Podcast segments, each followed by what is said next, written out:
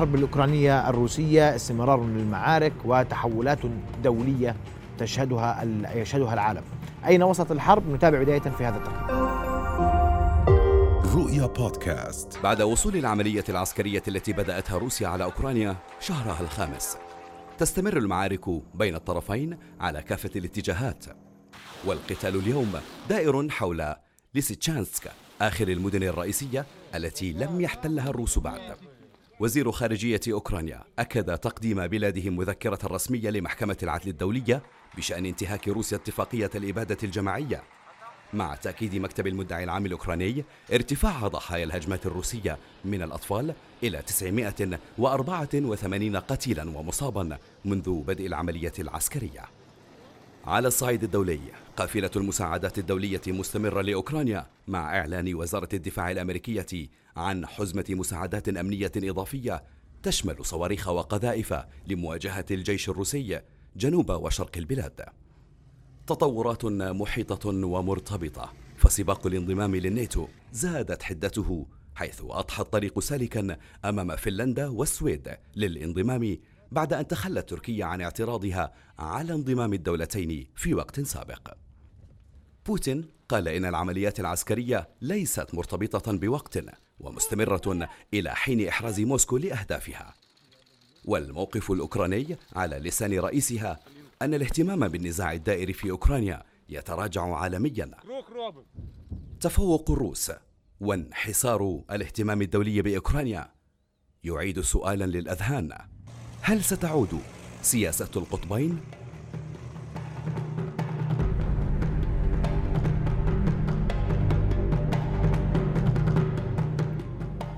للحديث أكثر حول هذا الموضوع أرحب بضيوف الكرام دكتور حسن البراري أستاذ العلاقات الدولية في جامعة قطر. مساء الخير. مساء الخير. وأيضا أرحب بدكتور جمال الشلبي أستاذ العلوم السياسية في الجامعة الهاشمية. مساء الخير. أهلا بك. واستاذن دكتور حسن أبدأ منك دكتور جمال. واليوم مع كل التحولات في العالم الحرب الروسية على أوكرانيا المواقف الدولية التساؤل الابرز هل عاد القطبين للعالم أم أننا لا نزال نشهد قطبا واحدا وروسيا تصارع؟ اولا مساء الخير لك ولجميع المشاهدين وللأخ والصديق الدكتور حسن. آه، في تحولات واضحة وصريحة آه، منذ عام 1989 وسقوط الستار الحديدي برز الولايات المتحدة الأمريكية كقطب عظمى. وأعتقد المفكرين صامويل هانتينغتون وفرانسيس فوكياما تغنوا بهذا الانتصار على العدو اللدود الاتحاد السوفيتي. ومن ذاك التاريخ الولايات المتحدة تتصرف كأنها فاعل أساسي فاعل وحيد. آه، غزوة العراق 2003 بدون إذن آه، لا شرعي ولا أخلاقي ولا قانوني. آه، تدخلت في كوسوفو 1995 أصبحت لاعب مهم في العلاقات الدولية. أقول بصراحة استطاعت أن توقف يعني خلال 30 سنة أوقفت حراك الحروب والصراعات يمين والشمال ولكن كل ذلك لصالحها. يمكن غزو العراق هو الذي أثبت أنها يعني تسيطر على العالم وأحادية القطبية هذه لصالحها. هذا نقطة. النقطة الثانية ضربة أوكرانيا أو غزوة أوكرانيا وأنا مع هذا التسبية. آه، هي ليست حرب وليست عمليات خاصة هي غزو واضح وصريح ينتهك القانون والاتفاقيات الدولية. هذا لا أحد يشك به ولكن القضايا السياسية سندخل فيها لاحقا. لكن أقول أنه ليست هذه الضربة الأولى التي تمس آه، جوهر ما يسمى الأحادية القطبية. أولا 2003 كان هذه بداية الشعور بأن هذا النظام يسير إلى التهلكة. ثانيا 2008 كان هناك مشكلة اقتصادية هائلة في أمريكا. هذه المشكلة كان لها صدى كبير داخل المجتمعات الأوروبية وداخل الأمريكا. ثالث شيء الربيع العربي. الربيع العربي أيضا كان يمس بشكل أو بآخر. يعني لا لا يجوز لنا أن نفصل ما يحدث في شرق آسيا أو جنوب آسيا والربيع والربيع العربي في الشرق الأوسط عما يحدث في أمريكا. ثالث شيء اللي هي الغزو الروسي إلى أوكرانيا. إذا هذا النظام هو ليس نظام أحادي هو نظام أحادي من الناحية السياسية. ولكن أقول أن المحل الذي هو في محل الشك ليس النظام ولكن أعتقد الليبرالية الأيديولوجية التي يتملكها هذا النظام. أمريكا هي امتداد للليبرالية آه، الحديثة التي تحاول أن تستغل. أولا ما يسمى العلم أو العولمة بما فيها من شركات ومؤسسات وبنوك وما شابه. ثانيا تريد أن تستغل الواقع الذي تعيش فيه الدول وخاصة بعد تفكك الاتحاد السوفيتي لمصالحها. اذا نحن منذ ذاك التاريخ ونحن نعيش حالة ما يسمى الأحادية. الآن وأنا أقول ليس من 2003 من 2022 الغزو هي بداية التحول، أنا أعتقد منذ ما يسمى الفيتو الصيني الروسي 2012 ومنع إدانة سوريا هذه بداية ترهل وإبدان يعني ضعف ما يسمى أمريكا التي تسيطر على الأحادية القطبية نعم. إذا لا يمكن بشكل من الأشكال أن نقول بأن دولة مثل أمريكا أو أي دولة أخرى تستطيع أن تكون أحادية القطبية في ظل اولا صعود الصين التي لم تكن محسوبة في هذا الاتجاه، ثانيا في ظل عودة حميدة بين قوسين لروسيا منذ وصول السيد بوتين العام 2000 ورغبته في إعادة أمجاد إما الأرستقراطية أو ما يسمى أمجاد الاتحاد السوفيتي أو أو القيصريه الروسية. ثالثا وجود أحيانا قضايا يعني جروبات اقتصادية مثل البريكس ومثل ال group العشرين وما شابه ذلك. فأعتقد أن هناك في تحديات كثيرة وكبيرة بدأت تواجه هذه الأحادية المتمثلة بالولايات المتحدة الأمريكية. دكتور حسن أسمع وجهة نظرك وليس بجديد عودة القطبين الفيتو الصيني الروسي عام 2012 كان البداية سوريا كانت البداية وهذا أمر يستمر وسيستمر. رأيك؟ بداية روسيا ليست مؤهلة لأن تكون قطبا في العلاقات الدولية يعني موضوعيا آه، لأنه القطبية ويعرف الدكتور جمال هي عبارة عن توزيع قوة على المستوى الدولي. آه، فعندما ننظر إلى القوة الروسية الآن آه، نأخذ معايير القوة بكافة أنواعها سواء القوة الناعمة والقوة الخشنة أو القوة الاقتصادية مثلا. نجد بأن روسيا ليست قطبا روسيا في أحسن حالاتها قوة إقليمية مهيمنة. ولكنها ليست قوة كونية. آآ آآ وهذا يجب أن نميزه جيدا لأنه لما نجي على إحنا مثلا إجمالي الناتج المحلي الروسي 1.6 بليون. يعني مليار و600 مليون أقل من كوريا رقم 11 في العالم. وهي الآن تخوض صراعا لإحداث تغييرات جيوسياسية أثبتت لغاية الآن بنتائج عكسية بعد ما توسع الناتو وضم فنلندا والسويد. الآن أصبح هناك الناتو التي بدأت الحرب أحد أهم أسباب الحرب التي بدأها بوتين. آه، هو من أجل تفكيك البنى التحتية للناتو في شرق أوروبا، نجد بأن الناتو توسع أكثر فبالتالي النتيجة جاءت عكسية بمعنى أن أوروبا بمعنى أن روسيا امنيا أصبحت أقل امنا مما من قبل الحرب. آه، آآ ثانيا آه، روسيا تخوض الحرب من دون حلفاء حقيقيين. يعني نجد بأن العالم مصطف خلف أمريكا العالم بمعنى العالم الحر دول العالم كثير من دول العالم الثالث والأهم من هذا وذاك أن الذين يصطفون خلف أمريكا هم 53 تريليون دولار. الناتج المحلي لهم مقابل 1.6 آه فبهذا المعنى بهذه المعايير معايير توزيع القوى الموضوعية روسيا ليست آه, آه،, آه، مؤهلة لأن تكون قطبا في العلاقات الدولية. الصين مؤهلة بقوة لأن آه، ربما في خلال عقد من الآن سينتقل النظام من نظام الأحادي القطبية إلى نظام ثنائي القطبية. لكن ليست روسيا. روسيا الاقتصاد الروسي لحد الآن نصف الاقتصاد البريطاني ربع اقتصاد ولاية كاليفورنيا آه، آه، هذا من ناحية. آه، من ناحية ثانية ما قامت فيه روسيا في أوكرانيا لأسباب روسية جزء من هذه الأسباب أو من هذه المطالب مشروعة بالمناسبة. يعني روسيا تشعر بأن هناك في محاولة لخنقها هناك محاولة لاحتوائها وهي تشعر بأنها يجب أن تنال الاحترام الأكثر من هذا لكنها لا تناله. واحد من أهم الأسباب أنها دخلت أوكرانيا هو لإحداث انقسامات في في الغرب أو لأنه افترض خاطئا السيد بوتين بانه الغرب هش الغرب يعني في الكثير من التناقضات. الآن الغرب أكثر وحدة. الاتحاد الأوروبي متماسك العقوبات الاقتصادية كارثية بالنسبة للاقتصاد الروسي بالرغم من كل البروباغندا الروسية التي ياتي فيها كارثية. وإن تحمل الاقتصاد الغربي أيضا ارتدادات لهذه العقوبات. يعني هي هي تؤثر على الجانبين لكن آه، تؤثر أكثر على الجانب الروسي الذي ما زال يخفي هذه الخسائر ب الحفاظ على سعر الروبل بقرار سياسي وليس بمكونات واقتصاديه. آه، آه، والنقطة الثالثة التي كشفت عنها هذه الحرب آه، أن الدول التي يعني تختلف مع الولايات المتحدة الأمريكية سواء الصين أو الهند هي تعلي من العلاقة مع الغرب أكثر من علاقاتها مع مع روسيا فبالتالي مرة ثانية يعني حتى لو أخذنا توزيع القوة كأساس لتغيير قطبية النظام لأنه ما في أي شيء آخر يمكن أن يقنعنا بأن النظام انتقل من نظام متعدد الأقطاب إلى ثنائي الأقطاب أو العكس أو إلى أحد الأقطاب إلا عندما تتغير موازين القوة اللي هو توزيع القوة.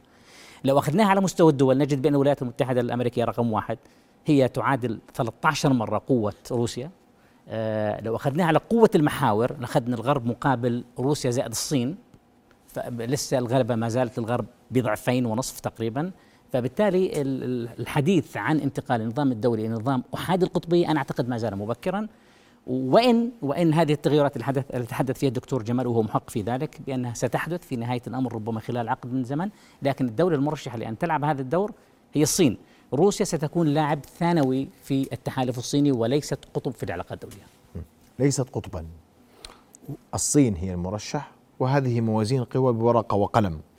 وهي وروسيا بعد المعركة التي تخوضها في أوكرانيا أقل امنا أضعف وأوروبا أكثر وحدة.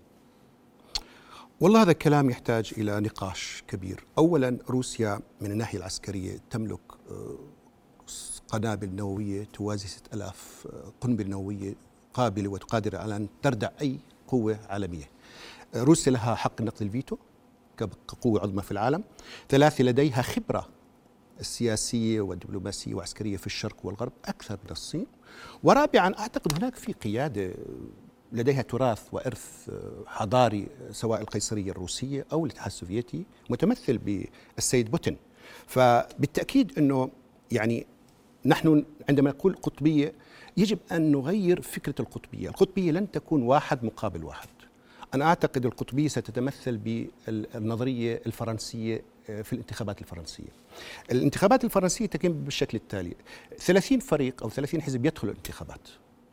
ولكن بالنهاية الأكثر فريقين بيستمروا أعلى الأصوات هم الذين يدخلوا في بسموها ديزم توخ الصراع الجولة الثانية. الجولة الثانية. الجولة الثانية. ولذلك أنا أعتقد إنه الصراعات ستستمر بين القوى العالمية لأسباب اقتصادية، لأسباب مصالح ذاتية، صعود بالقوة إلى آخره، لكن بالنهايه بالنهاية سيكون هناك قطبين، قطب يمثل التيار الغربي بقيادة أمريكا وأوروبا واليابان وقطب آخر سواء تمثله رأسها الصين أو روسيا وربما الهند وإيران وغيرها. فأنا أنا بعتقد أنه هذا الذي سيتشكل سيتشكل عندنا مجموعة قوى أقل حدة من الصراع الذي تم بعد الحرب في أثناء الحرب الباردة بحيث قطبين متشابهين يمتلكان نفس القوى وفي هناك توازن قوى وتوازن رعب إلى قوى متعددة لكن في النهاية ستشكل بطريقة أو بأخرى قطبين. هذه نقطة. النقطة الثانية أنا لا أعتقد أن العالم الحر أخي حسن هو الذي يدعم آه، أمريكا. آه، مقابل ذلك هناك روسيا الاتحادية التي تدعمها الصين التي تمثل نصف العالم أو فلنقل القوة الاقتصادية الأولى. الهند كذلك الهند رغم كل الضغوطات التي حاولت أمريكا أن تقوم بها لم تس لم لم تفلح، حتى باكستان مع عمران خان كانت مؤيدة، إيران كذلك، إضافة إلى أنا بظن أن روسيا شوف القضية ليست قضية يعني نحن ننظر إلى الصراع في في روسيا وأوكرانيا على أنه صراع يمثل العرب أو المسلمين، للأسف الشديد هذا ما يحدث. أمريكا نحن نحب اصدق أعداء اصدقائنا، اعداء اعدائنا. نحن نكره أمريكا بصراحة. لسببين، السبب الأول انه أمريكا تدعم الكيان الصهيوني، بس فقط. والسبب الثاني أنها حطمت العراق ودمرت سوريا بشكل أو بآخر، فبالتالي في حس في وعي ما لدى الجماهير، ليس العربية. إذا ذهبت الآن في كثير من الدول العالم الثالث هناك في نظرية مخ... في نظرية لا تحترم الإمبريالية لا تحترم الرأسمالية بهذا طيب. المعنى وبالتالي يعني أنا الإحساس أنه روسيا على حق. بشكل أو بآخر. على الأقل إن لم يكن مقابل الصين والهند طيب. والحزب والطرف الآخر هناك ضمن الرأي العام العالمي في العالم الثالث ومنه العالم العربي توجه نحو روسيا. دكتور حسن. يعني الدكتور جمال آه، آه، بيحكي عن قضايا معيارية. أنا أتحدث عن قضايا لها تجليات على أرض الواقع. آه، ولا أتحدث عن عواطف. أنا بالنسبة لي الولايات المتحدة الأمريكية لاعب سيء فيما يتعلق بالصراع العربي الإسرائيلي. روسيا لاعب أسوأ أيضا فيما يتعلق بالموقف من سوريا وفيما يتعلق بالموقف من استباحة إسرائيل لسوريا. هذا يتم بموافقة بوتين الذي يتغنى فيه اليسار العربي مثلا. فبالتالي القضية لا نفاضل ما بين من هو أفضل. نحن نتحدث الآن روسيا هي لاعب تدخله في هذه المنطقة هو لصالح إسرائيل. وما تنسى أن الاتحاد السوفيتي اللي, اللي أهم جزء فيه كان روسيا الاتحادية من ثاني من اعترف بإسرائيل عندما أقيمت في عام 48 آه، آه، الولايات المتحدة هي تقيم أيضا تحالف مع آه، مع إسرائيل ضد المصالح العربية. بمعنى نحن يعني بمعنى أنا لا أقول لا ناقة ولا جمل لنا في هذا ما ما يجري من صراع. آه، آه، لكن أيضا هناك قصر نظر استراتيجي عند كثير من المثقفين العرب عندما مثلا يتمنون هزيمة أمريكا نكاية بأمريكا على اعتبار أن روسيا ستكون هي المخلص. هذا هذا وهم. صحيح. عوامل عوامل القوة هي ذاتية في المنطقة العربية. والذي والذي يضعف العالم العربي. ليس التحالفات الدوليه بقدر ما هو سوء إدارة الموارد في هذه المنطقة، سوء إقامة التحالفات، غياب الديمقراطية، تغييب الشعوب عن صناعة القرار، كلها مجموعة من العوامل التي تضعف من مقدرات الدول العربية في تحديد على الأقل في الاتفاق على من هو مصدر التهديد، هل هو مصدر التهديد إيران أم إسرائيل؟ الآن في خلاف في تحالف في ناتو آه، آه، قادم سيكون يقول بأن إيران هي التي تهدد الدول العربية. أنا بتقديري بالنسبة للأردن أنا هيك شايف يعني ربما الحكومة تختلف معي حرة. الذي يهدد الأردن على المدى القصير والمتوسط والبعيد هو السياسات الإسرائيلية غرب النهر. طيب إحنا ندخل هذا التحالف على أساس طبعا هذا موضوع آخر. بدي أحكي لك شغلة واحدة. نحن بعيد عن المسائل المعيارية على أهميتها أخي جمال اللي أنت ذكرتها. أنا أتحدث عن قضايا آه، موضوعيه مثلا القنابل النوويه اللي ذكرتها أيضا الغرب عنده 7000 آه، رأس نووي. وبعدين السلاح النووي غير قابل للاستخدام بالمناسبة لأن هذا للردع فقط. عندما تتقابل آه، قوتان بحجم نووية بحجم أمريكا وروسيا أي كل قوة قادرة على تدمير الأخرى. صحيح. وكل قوة عندها ما يسمى بإمكانية الضربة الثانية يعني حتى بعد أن تتلقى الضربة الأولى تمسح القوة الأولى. فبالتالي هو سلاح للردع. حق الفيتو روسيا عندها حق فيتو في ثلاث دول غربية عندها حق فيتو. بالتالي آه، الصين أيضا عندها حق حق الفيتو دعم الصين بالمناسبة آه، أخي جمال آه، لما نيجي نأخذ إحنا بالأرقام ما في دعم صيني، الصين تستغل ما يجري الآن لمصالحها الصينية وليس لمصالح مصالح روسيا. الرئيس بوتين يريد أن يقدم نفسه بأنه يستنزف القوى الغربية لصالح الصين لكنه هو لاعب ثانوي في العلاقة مع الصين. لا يمكن مقارنة الصين 16.8 مع واحد 1.6 بليون لا لا يمكن لا يمكن للصين أن تقبل علاقه على قدم مساواه مع روسيا. روسيا لاعب تابع قوة إقليمية لا يمكن لها أن تلعب دور القطب في العلاقات الدولية. لا اليوم ولا بعد 50 سنة بناء على المعطيات الموضوعية الحالية وليس بناء على يعني محبتي أو كراهيتي من هذا أو ذاك.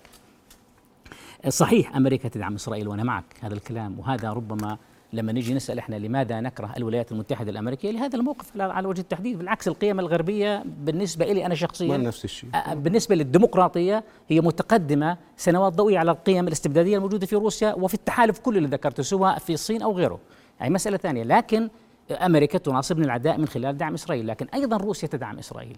يعني ما الذي يجري في سوريا الآن؟ في عندنا 340 طلعة جو جوية تمكنت فيها الصواريخ الإسرائيلية والطائرات الإسرائيلية ضرب التموضع الإيراني آه، مطار دمشق بالتنسيق بالتنسيق مع بوتين. فبالتالي أنت يعني كيف بدك تقنعني أنا بأنه والله روسيا هي قوة خير في هذه المنطقة؟ القوة طيب. القوة القوة وين ما كانت سواء روسيا ولا أمريكا ولا القوة العربية ولا مين ما كان في القوة غاشمة القوة تحقق مصالحها القوة لا تأبه بمصالح الشعوب الأخرى. واضح. سأسمع ردك وتعقيبك بعد فاصل قصير دكتور جمال. فاصل ثم نواصل ابقوا معنا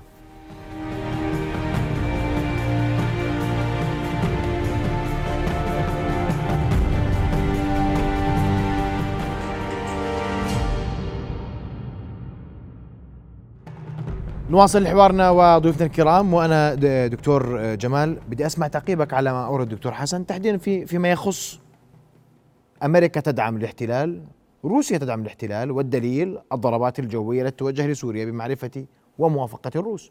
فما الذي يغير يعني؟ اولا روسيا هي عندما جاءت إلى إلى سوريا كانت بموافقة الدولة السورية. 2015 وتدخل شرعي من الناحية الأولى. الناحية الثانية هناك في صراع على الأرض حقيقة بين ليس بين النظام السوري أو الدولة السورية وروسيا ولكن هناك في صراع بين الإيرانيين الذين تمكنوا خلال الأيام الماضية لأنهم استطاعوا أن يدافعوا عن النظام والدولة بشكل كبير وأصبحوا هم الذين يسيطرون على الأرض. الروس محدودين في الأماكن في القواعد وفي الجو وبالتالي ربما هناك مصلحة ما لروسيا في أن يحدوا من الوجود الإيراني بهذه الطريقة.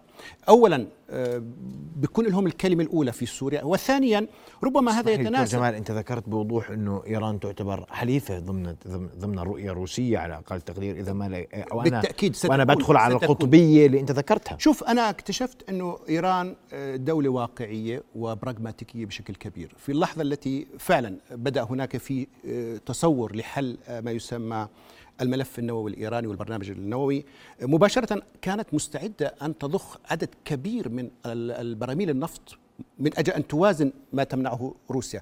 نجد أنه بالمقابل السعودية والإمارات هذه الدول التي استراتيجيا وتاريخيا هي مؤيدة للمعسكر الغربي تمتنع عن ذلك. أولا الإمارات لا تدين الغزو. وثانيا السعودية. وإلى الآن مستمرة في قولها أنها لا تريد أن تضيف أي برميل. فبالتالي تشعر أن إيران حقيقة هي لديها براغماتيكية أحيانا قاتلة. هذا مؤكد. لكن على الأمد المتوسط وبعيد كلما ضغط الأمريكان على إيران لن تجد لها بديل إلا إما روسيا أو الصين فبالتالي اوتوماتيكلي يجب أن يكون تعتبر حليف لها ثانيا فيما يتعلق بسوريا أنا أظن إنه هناك في مصلحة ربما بين الدولة السورية وروسيا وروسيا في ضرب.